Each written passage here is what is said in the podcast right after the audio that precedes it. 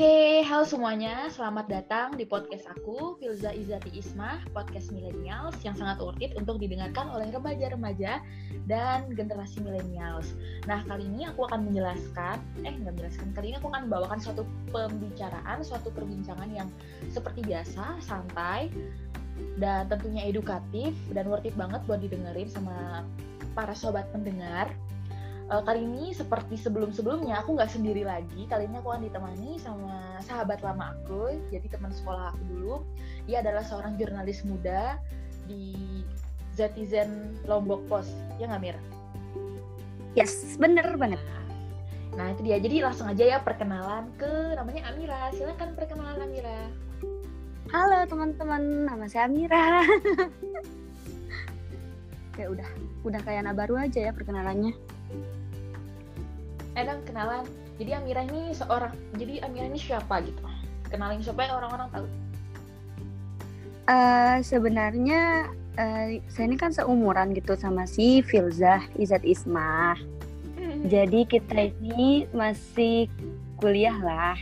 Hmm. tapi karena kebetulan dapat kesempatan jadi kita sambilan kerja gitu. Kayak gitu hmm. gitu deh. Jadi jurnalis ya Mir ya iya jadi jurnalis Oke, btw uh, Amira tuh uh, apa namanya jurnalis, ya, tapi fokusnya ke mana gitu? Jadi uh, kalau kalau di jurnalis itu kan ada bisa jadi kameramennya, bisa jadi hmm. uh, bisa jadi writernya atau penulisnya. Nah, hmm. saya ngambil bagian yang uh, jadi writernya, jadi penulis. Hmm, keren jadi writer. Oke. Okay. Karena pingin supaya jadi kita nih mau mau sharing nih sharing santai aja mengenai jurnalistik. Nah kenapa aku ngajak Amira? Kenapa aku nggak ngajak mungkin jurnalis-jurnalis yang lain gitu kan? Jadi beberapa beberapa alasan sih karena Amira ini memang seumuran kan sama aku jadi masih muda gitu. Dan sambil kuliah juga dan uh, jadi kayak karena ini yang podcastnya podcast milenial, podcast untuk apalagi ini memang sasaran podcastnya adalah remaja. Jadi memang aku uh, pengen uh, ngajak collab atau ngajak ngobrol sharing di podcast ini memang orang-orang yang masih umur remaja. Jadi kalau misalnya ini Mer aku mau kasih tahu kalau di BKKBN itu aku nih sebagai duta genre mau kasih tahu kalau di BKKBN itu umur Amira umurnya sekarang berapa? 20 ya belum masih 19 19 ya. Jadi umur 19 20 itu masih dalam kategori remaja gitu kalau di BKKBN jadi kita masih remaja guys gitu. Nah jadi boleh sharing kita sharing-sharing deh mengenai jurnalistik. Apa sih itu mir jurnalistik? Boleh dijelasin nggak itu secara garis besar? Gitu Oke, sebenarnya jurnalistik ini kan kalau teman yang teman-teman tahu itu uh, kayak wartawan atau orang yang menyajikan berita gitu kan. Hmm. Nah, tapi sebenarnya jurnalistik itu bagaimana cara kita memproses dalam pencarian berita atau data tersebut terus kita olah dia supaya dia jadi bagus jadi bermutu gitu biar disampaikan ke orang banyak nah lalu kemudian uh, dipublikasi itu yang paling penting supaya orang-orangnya jadi tahu kayak gitu dan melalui media massa supaya kan kalau misalnya ngomong langsung itu kan bukan bukan apa ya bukan mengolah atau uh, jurnalis gitu kan namanya. Kalau misalnya dari media massa baru namanya jurnalis gitu. Wow.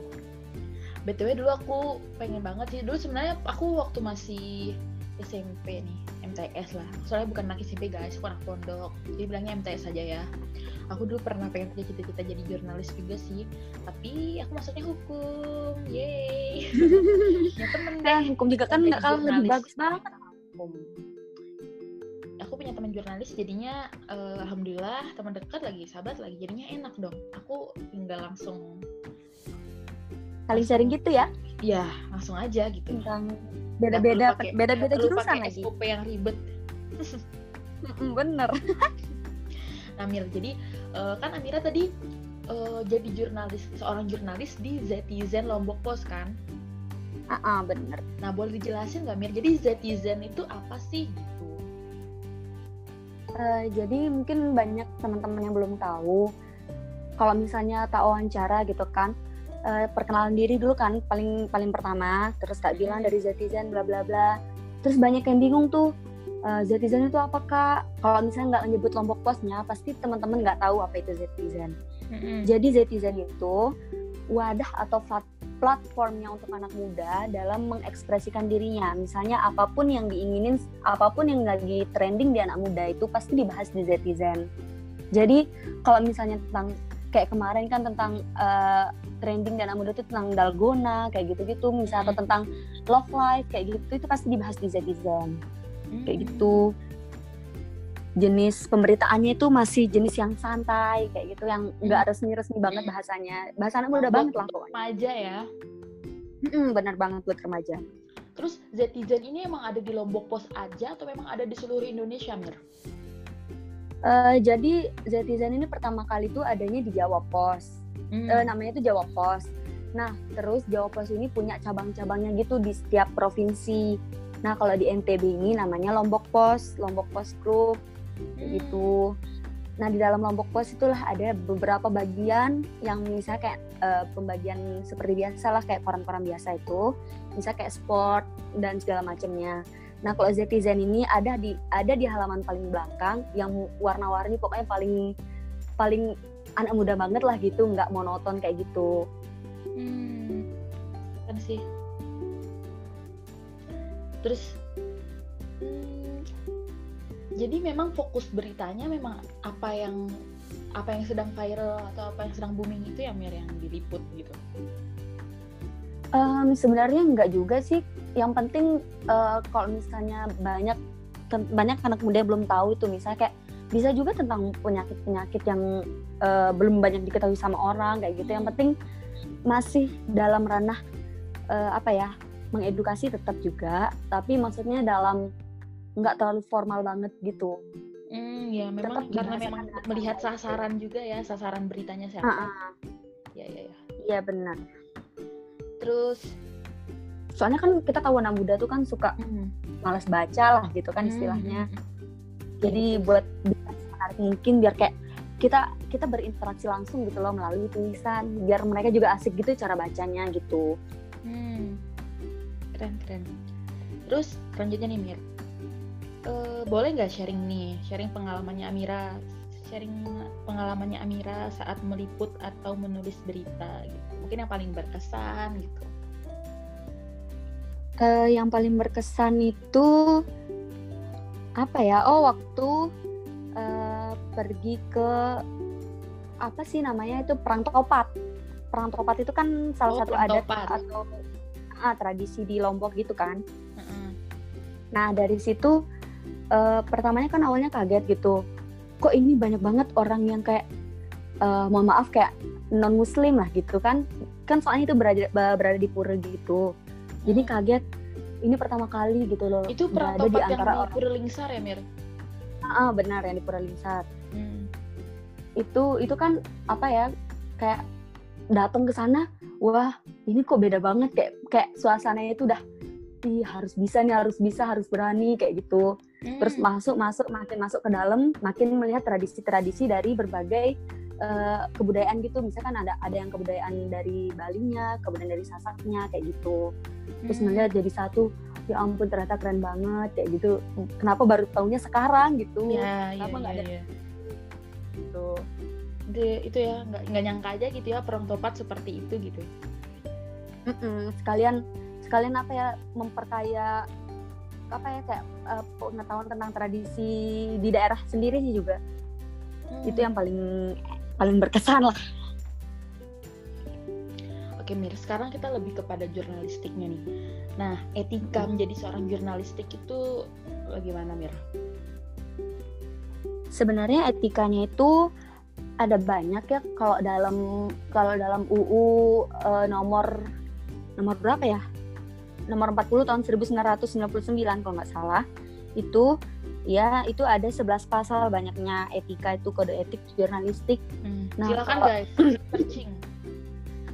Uh, iya silakan di, di searching sendiri aja ya yang banyaknya. Tapi pada intinya yang penting kita itu sebagai jurnalis tuh harus menyajikan berita yang aktual. Hmm. Maksudnya itu yang yang bermutu lah kayak gitu. Terus terbaru itu penting juga. Karena kan kalau misalnya kita kita sajikan berita yang udah eh, basi kayak itu kan orang nggak mau lihat gitu. Orang nggak udah apa sih? Ini udah berita lama gitu mendingan cari yang berita baru-baru aja biar lebih tahu kayak gitu. Biar nggak ketinggalan zaman. Nah terus uh, habis itu yang paling penting itu harus dipublikasi. Karena kalau misalnya berita nggak di, dipublikasi itu pasti nggak bakal ada yang tahu. Nggak bakal bisa uh, apa ya menyebar gitulah informasinya. Okay. terus terus beritanya beritanya juga harus seimbang gitu.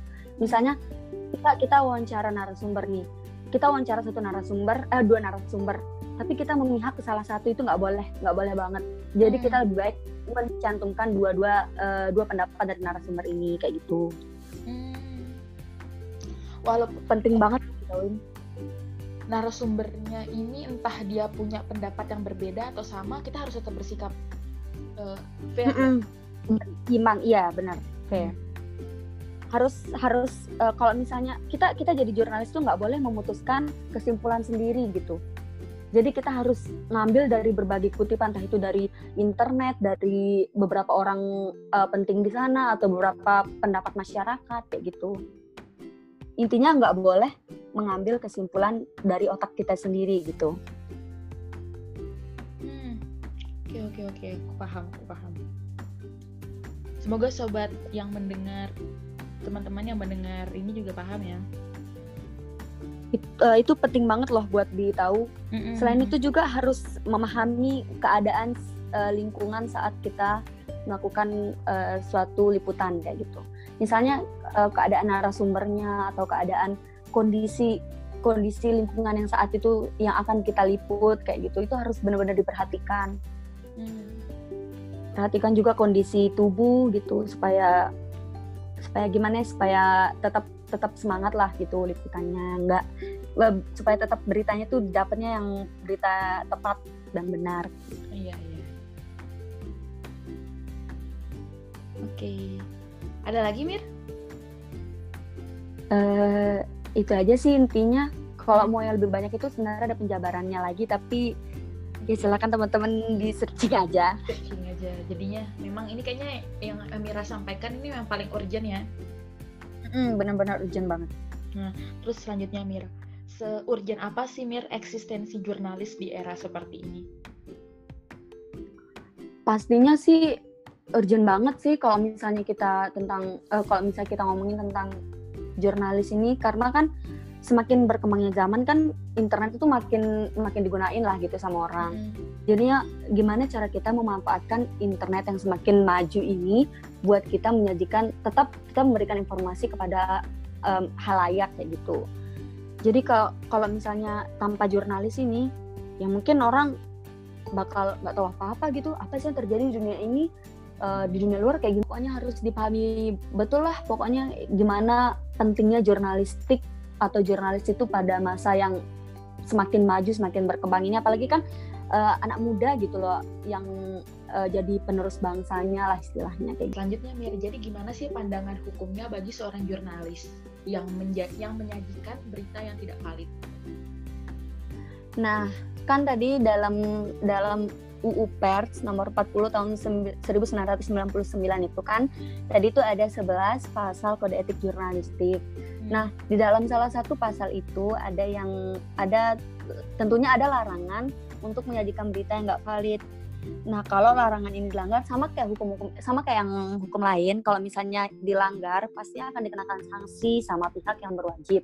Hmm. Nah, kalau misalnya uh, udah dikenakan sanksi tentunya bisa sampai ke pengadilan atau bahkan bisa sampai dipenjarakan dan denda segala macamnya itu itu parah banget sih kalau misalnya sampai uh, apa hmm. menjadikan berita yang nggak valid itu selain selain uh, dibawa ke pihak yang berwajib pastinya uh, apa ya membuat citra dari dari instansi atau dari instansi dalam maksudnya itu dari tempat kita bekerja atau dari instansi luar tempat kita meliput kegiatan atau suatu acara itu uh, bisa memperburuk citranya kayak gitu. Hmm. Men mencoreng nama baik lah istilahnya nama baik kayak ya. gitu. Uh -uh. Hmm. Terus Mir. Oke, selanjutnya nih Mir. Uh, apakah ada tuntutan tertentu sih mungkin dalam hal misalnya apakah seorang jurnalis itu harus memiliki pengetahuan atau wawasan yang luas? Uh, sebenarnya kalau menurut saya sih pengetahuan sama wawasan itu nggak nggak uh, sebenarnya perlu perlu banget. Tapi nggak terlalu diperhatikan gitu sih kalau menurut saya. Soalnya kan wawasan itu mengalir dengan sendirinya. Jadi kalau misalnya kita kayak seperti saya tadi kan kalau misalnya wawancara eh, kalau misalnya liputan uh, apa tadi? Perang topat mm-hmm, nah itu itu kan sebelumnya saya nggak punya wawasan apa apa nih. Tapi waktu datang ngeliat ke, ke kegiatannya langsung tahu oh ternyata kayak begini searching. Hmm. uh, tapi sebelumnya udah searching sih. Oh kayak gini-gini. Tapi kan kalau misalnya searching aja tanpa ada gambaran atau praktek atau apa itu kan masih kurang lah istilahnya. Jadi kita terjun langsung itu yang jadi wawasan jadi pengetahuan untuk kita kayak gitu. Hmm. yang penting kita tetap ada kemauan untuk tetap kepo lah tetap penasaran sama apa yang menjadi target kita apa yang jadi uh, apa ya keinginan kita buat tahu kayak gitu. Hmm. terus penting juga perbanyak jaringan. Hmm. ini paling ini penting banget sih banyak jaringan. Masa iya kita mau liputan bengong sana sini nggak tahu apa apa kayak gitu. Itu sih. Relasi itu penting juga. Untuk memudahkan Kok, berkomunikasi dengan mm -mm, dengan si uh -uh. narasumber Iya, pokoknya intinya wawasan itu mengalir dengan sendirinya aja dah. Hmm. Sesuai dengan apa yang kita harus kepoin gitu loh. Iya, iya. Tuh. Kayak memang relasi ini di mana-mana dibutuhkan guys. Apalagi mm -mm, penting banget relasi. Gitu kan ya. Sebagai seorang jurnalis, apa tips kamu dalam merumuskan pertanyaan nih untuk narasumber Oke, yang pertama tuh paling pertama itu perlu dipahami dulu tentang berita yang akan diliput atau yang akan dicari informasinya. Itu pahami dulu misalnya uh, kegiatannya, entah itu misalnya nama kegiatannya apa, terus tema yang akan diacarakan itu apa, yang akan dibawa itu apa, atau misalnya siapa pelaksananya, kayak gitu itu harus benar-benar dipaham. Entah itu bisa dicari lewat uh, apa ya, lewat posternya mungkin atau lewat internet kayak gitu kan internet itu berpengaruh banget sih internet ini hmm. terus uh, kemudian disiapin itu uh, pertanyaan yang 5W1H ini kalau misalnya buntu gitu kan kita sering buntu gitu kalau nanya sama orang ya pahami aja yang 5W1H ini siapa pelaksananya bagaimana jalan kegiatannya bagaimana uh, apa apa tujuannya kayak gitu-gitu pokoknya mm. udah di luar kepala harus yang 5W 1H ini gitu mm -mm. nah terus uh, selain itu juga yang paling terpenting itu tetap jaga fokus waktu lagi ngomong sama si narasumber ini sih aduh ini parah banget kalau nggak udah nggak fokus itu itu bisa ke sana kemari bisa nggak nyambung ngomongnya sama narasumber bisa nggak denger mungkin atau misalnya itu kan bisa buat narasumber isi lah gitu kalau misalnya ditanya kalau kitanya nggak nyambung nggak fokus itu itu fokus ini ben, uh, bisa bisa munculkan feedback yang baik lah hmm. untuk si, uh, apa liputan kita ini itu okay. itu sih cara merumuskannya jadi kalau misalnya dari yang aku pahamin di Amira sih uh, teknik wawancara itu bisa dipakai sama semuanya ya Mir kayaknya mahasiswa juga cocok deh kalau misalnya dia wawancara untuk penelitian 5W1H tuh benar-benar mm -hmm. dipahami ya. cocok sih cocok banget kok misalnya uh, apalagi kan mahasiswa itu kan identik dengan harus kepo harus cari tahu sendiri kayak gitu kan mm. uh, nggak nggak udah nggak disediakan lagi sama si uh, pengajar kayak gitu itu harus dipahami betul sih gimana cara teknik-teknik uh, bertanyanya kayak gitu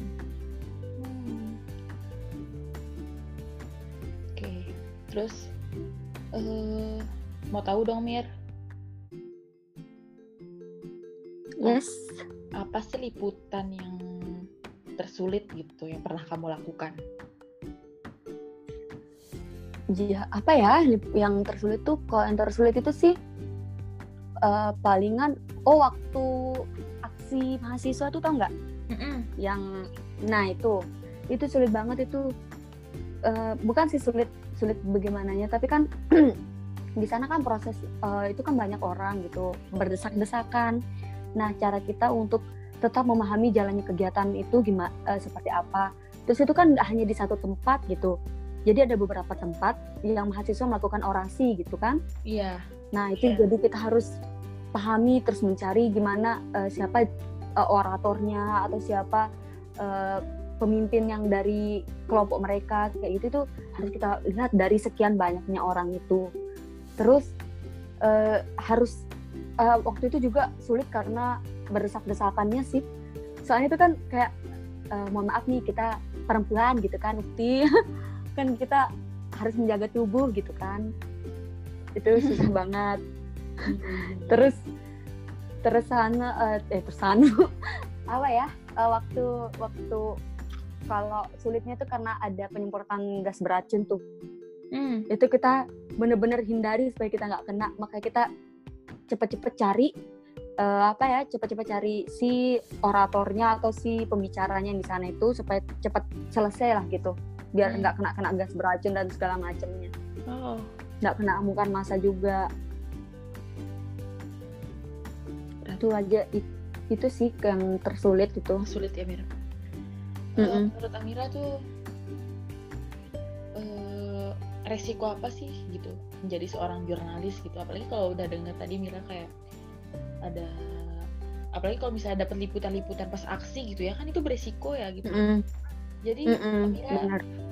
kayak gimana sih gitu menjadi jurnalis itu adalah profesi yang beresiko atau gimana gitu uh, iya sih banyak yang bilang gitu jadi jurnalis itu harus punya keberanian yang banyak gitu kan dia bilang mm-hmm. nah, kalau kalau menurut saya itu resiko yang pertama karena mungkin saya masih uh, belum belum terlalu profesional jadi jurnalisnya itu jadi saya masih merasakan yang resikonya itu palingan kayak uh, sebagai mahasiswa nih kayak waktu kita uh, harus terbagi gitu kan antara hmm. gimana di kelas uh, dengan kehadiran di kelas sama waktu liputan kayak gitu kan apalagi hmm. kalau misalnya resikonya itu liputannya mendadak gitu itu harus ngorbanin salah satunya gitu gimana hmm. caranya disiasati lah kayak gitu istilahnya hmm.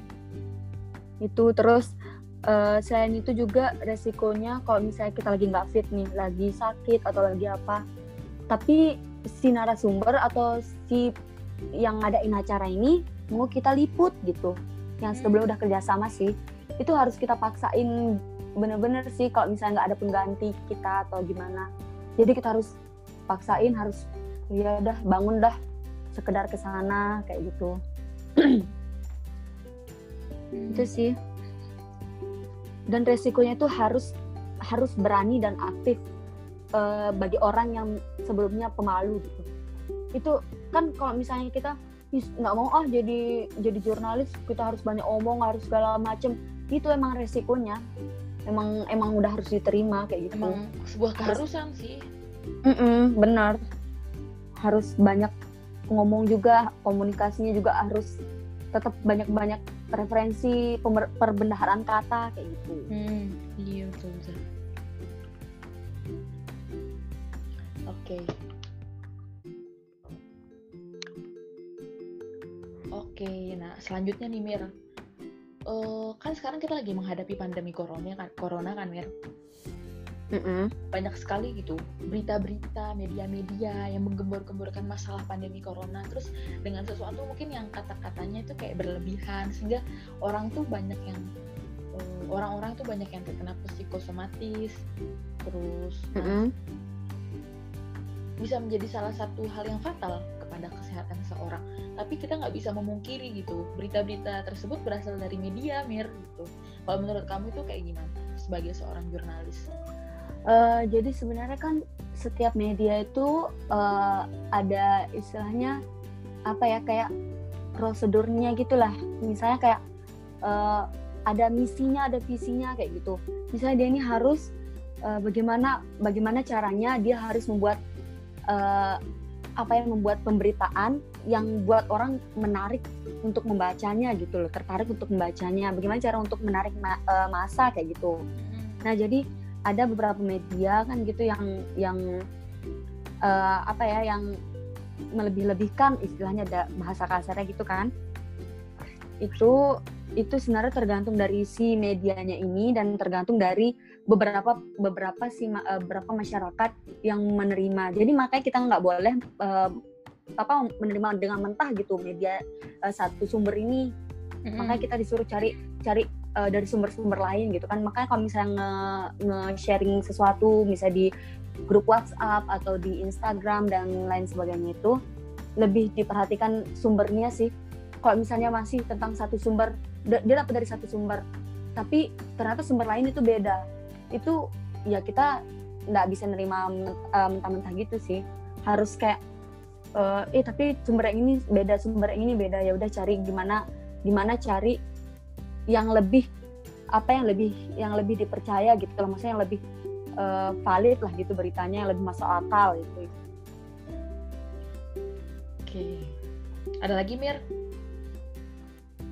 Kalau misalnya untuk eh, kalau misalnya dia mengganggu ke apa ya ke kesehatannya masyarakat itu sendiri sih ke dalam psikosomatis tadi itu mm-hmm. itu sebenarnya balik lagi ke lingkungannya dia ke lingkungan si masyarakatnya ini jadi kalau misalnya di lingkungannya dia terus apa membawa pengaruh negatif ngompor-ngomporin istilahnya gitu itu mm. ya bakal buat si orang ini down juga jadi yang ngerasa ih uh, lingkungan saya juga bilangnya kayak gini kok tapi uh, di media juga begini kok bilangnya begini-gini jadi kan itu yang mengaruhi di otaknya dia itu buat ngerespon negatif kayak gitu.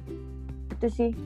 Lebih banyak uh, lebih banyak apa ya berbagi dan membagi uh, lebih banyak mendapat dan berbagi uh, tentang positif aja gitu. Dapat positif dari orang berbagi juga.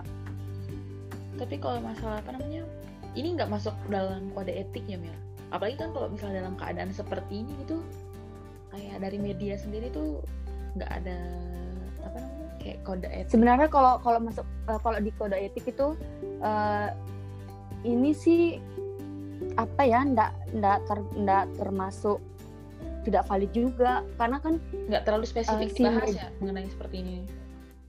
Mm -mm, kalau misalnya kalau misalnya si media ini kan uh, dia dia menyajikan informasi nih sebenarnya hmm. niatnya dia mungkin nggak mau buat orang itu psikosomatis tapi kalau karena orang itu yang meng mengasumsikan dirinya tuh itu rasa saya begini kata media ini saya begini gini gini gini pokoknya segala tentang overthinkingnya itu itu yang buat dia jadi psikosomatis ini itu yang membuat dia kumat psikosomatisnya gitu. Hmm. Oke Mir, terus pertanyaan selanjutnya ya uh, gimana Amira menurut kamu dari pandangan kan Amira masih ya walaupun bukan sebagai jurnalis yang sudah lama gitu kan ya dalam hmm. keadaan masih jurnalis muda tapi pasti Amira punya Amira punya critical thinking gitu mengenai bagaimana media sekarang gitu kan banyak mm -hmm. mungkin media-media sekarang itu yang dalam tanda kutip itu mereka kayak dipegang dalam dipegang satu uh, apa ya kayak oligarki gitu loh mir. Satu kekuasaan. Mm -hmm. di mana itu dia bisa di dia tuh bisa dikendalikan gitu. Mm -hmm. nanti kamu media ini kamu tugasnya untuk menggiring menggiring misal dalam misal dalam pemilihan bisa pilpres nih Mira kamu media yang ini kamu di, digiring nih sama oligarki atau satu kekuasaan untuk memba untuk menyebutkan yang baik-baik tentang ini dan memperburuk tentang si ini. Gini gini itu kan udah banyak ya seperti itu media-media seperti itu Nah, kalau menurut kamu gimana Mira? Uh, kalau menurut saya sih yang pertama itu kan tentunya harus ada uh, apa ya harus ada arahan gitu dari atasan. Itu kan makanya pentingnya ada pemimpin gitu kan dalam suatu uh, instansi atau lembaga. Nah uh, kalau misalnya sudah uh, menjalankan prosedur dengan si uh, oligarki ini atau apa ya yang kekuasaan satu kekuasaan ini itu balik lagi sih uh, keputusan atau kebijakan dari uh, apa ya dari dari si instansi yang diajak kerjasama ini gitu. Misalnya si A ngajak kerjasama si B berarti si si prosedur dari instansi B ini ya udah harus dimatangkan dulu misalnya sama anggota-anggotanya atau sama yang lainnya kayak gitu. Jadi kalau misalnya dia dia istilahnya memihak gitu nggak tahu sih memihak atau gimana ya itu berat uh, tergantung dari gimana si dia si instansi ini sih menurut saya. Hmm. Jadi kalau misalnya dibilang ih media ini uh, memihak ke ini gini gini gini deh nah, kan itu hanya omongan orang gitu mereka kan nggak tahu gimana dibalik itu semua gitu itu kan hanya mereka melihat secara apa ya secara mata mata dua gitu maksudnya nggak bisa ngelihat ke arah yang lain-lainnya kayak gitu nggak nggak nggak lihat latar belakang kejadiannya kayak gitu. Mungkin ada mas, maksud lain gitu kan. Hmm. mungkin ada apa gitu. Yang penting uh, bijak aja dah dalam menerima menerima informasi yang ada gitu. Jadi menurut kamu memang setiap media tuh punya kepentingan dan punya caranya masing-masing ya? Mm -mm, bener. Hmm. pasti beda-beda tiap tiap media itu. Iya. Kayak gitu. Oke. Okay. nah jadi Amira tadi kan udah ngomong nih setiap media nih punya kepentingannya masing-masing, punya punya cara dan tujuannya masing-masing. Kalau pesan Amira buat para uh, buat kita nih orang yang yang setiap harinya kita mendengar, melihat dan apa ya hasilnya kita kan konsumsi berita kan ya. Kita konsumen mm -hmm. kan, konsumsi, kita mm -hmm. mau konsumsi, mencerna. Kalau buat pesan kamu buat kita semua itu eh, termasuk anak-anak muda ya, misalnya yang maksudnya orang muda tua apalah pokoknya suka kemakan hoax gitu. Bukan hanya sekedar mm -hmm. kemakan hoax sih tapi kayak kemakan suatu berita tapi dia kayak cepet yang menimbulkan suatu apa ya kayak pertikaian. pertikaian gitu loh. Mm -hmm. menurut kamu karena memang media ini kan punya kepentingan sendiri sendiri punya caranya masing-masing jadi harusnya kembali ke kita lagi kan gitu secara mm -hmm. langsung tadi kan Amira kan ngomong seperti itu kembali kepada kita lagi kan? Iya. Nah, iya benar. nah pesannya Amira buat kita mungkin buat para pendengar itu apa? Uh, pesannya sih jangan uh, jangan mudah menerima dan menyimpulkan sesuatu gitu. Suatu kejadian atau suatu informasi. Karena kan kalau mis itu kan hanya kalau kalau kita simpulkan sendiri terhadap informasi yang kita dapatkan itu itu berarti itu kan masih menurut pandangan diri sendiri gitu.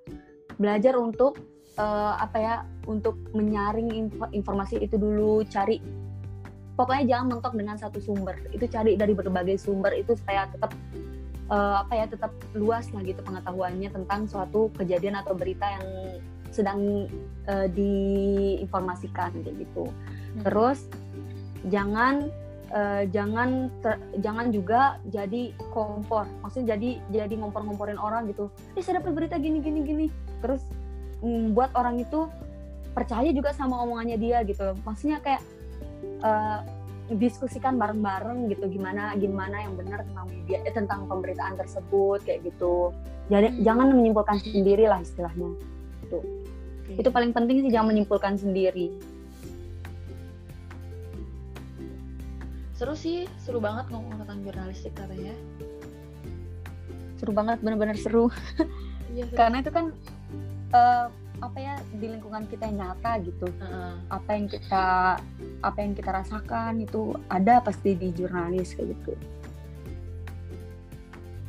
Iya soalnya aku tadi juga apa ya sebenarnya aku sempat beberapa kali ikut kayak kajian online gitu seputar corona jadi memang kita tuh kayak ini psikosomatis anxiety itu memang kayak dari media media media gitu kan ya aku juga mm -hmm. pengen dengar dong dari seorang jurnalis atau mungkin orang yang bekerja dalam suatu tempat kayak kamu kan kerjanya di bawah kan media kan itu mm -hmm. media yang yang menghasilkan berita gitu gimana sih mm -hmm. ternyata memang setiap media itu punya caranya sendiri ya gitu aku memang sempet sih nanya-nanya juga mm -hmm. right Iya sih itu bahaya banget tuh psikosomatis tuh. Mm-hmm. Aku juga sempet kayak gitu sih Mir. Aku kira aku kena uh, sama sih. iya sama. Soalnya itu itu benar-benar hari itu aku baca baca ciri-cirinya ko, uh, orang yang terkena covid hari itu aku langsung demam tau. itu karena ya overthinkingnya kita. iya tapi itu cuma sehari besok siang langsung sembuh. batu dikit aja udah. Ya Allah ini habis pergi nih batu. Gimana rasanya badan udah enak kayak gitu. Uh. itu bahaya banget psikosmatis oke. Okay. okay, Mir. Pokoknya uh, itulah tadi seputar itu tadi udah selesai Mir. Seputar uh, sharingnya uh, pokoknya sangat-sangat bermanfaat uh, sharingnya Amira mengenai jurnalistik. Karena aku juga uh, penasaran banget sih tentang dunia jurnalistik itu. Asik soalnya apalagi melihat Amira yang masih semoga ada yang berminat gitu kan. Apa Mir? Semoga teman-teman ada yang berminat jadi jurnalis biar makin banyak itu ya, penerus-penerus. gitu. menekuni dunia men, per, apa? Menekuni dunia jurnalis. Permediaan. Permediaan gitu. Uh -uh.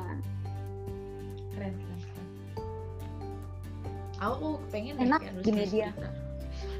nah itu enak banget di media tuh apalagi punya banyak jaringan itu benar-benar enak banget dimudahkan dalam segala hal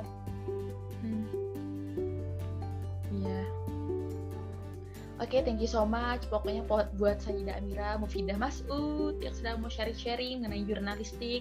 Semoga ilmunya bermanfaat buat teman-teman semua. Dan tadi uh, untuk menjawab beberapa teman, beberapa orang yang, yang nanya sih bagaimana kerjanya media, apalagi sekarang dalam situasi pandemi seperti ini, bagaimana media itu memberikan suatu berita, mengolah, gitu kan. Nah, semoga bermanfaat. Jadi seorang jurnalis itu nggak gampang, guys. And then pokoknya pesan buat aku buat teman-teman di rumah selalu produktif selalu berpikir positif uh, selalu sehat semoga selalu sehat dan pokoknya sampai jumpa di podcast podcast Filza Izati Isma di episode episode selanjutnya karena akan banyak sekali pembahasan-pembahasan yang edukatif yang santai dan kalian gak akan nyesel guys ingat ya namanya Filza Izati Isma atau podcast millennials Thank you so much. Bye bye. Bye bye.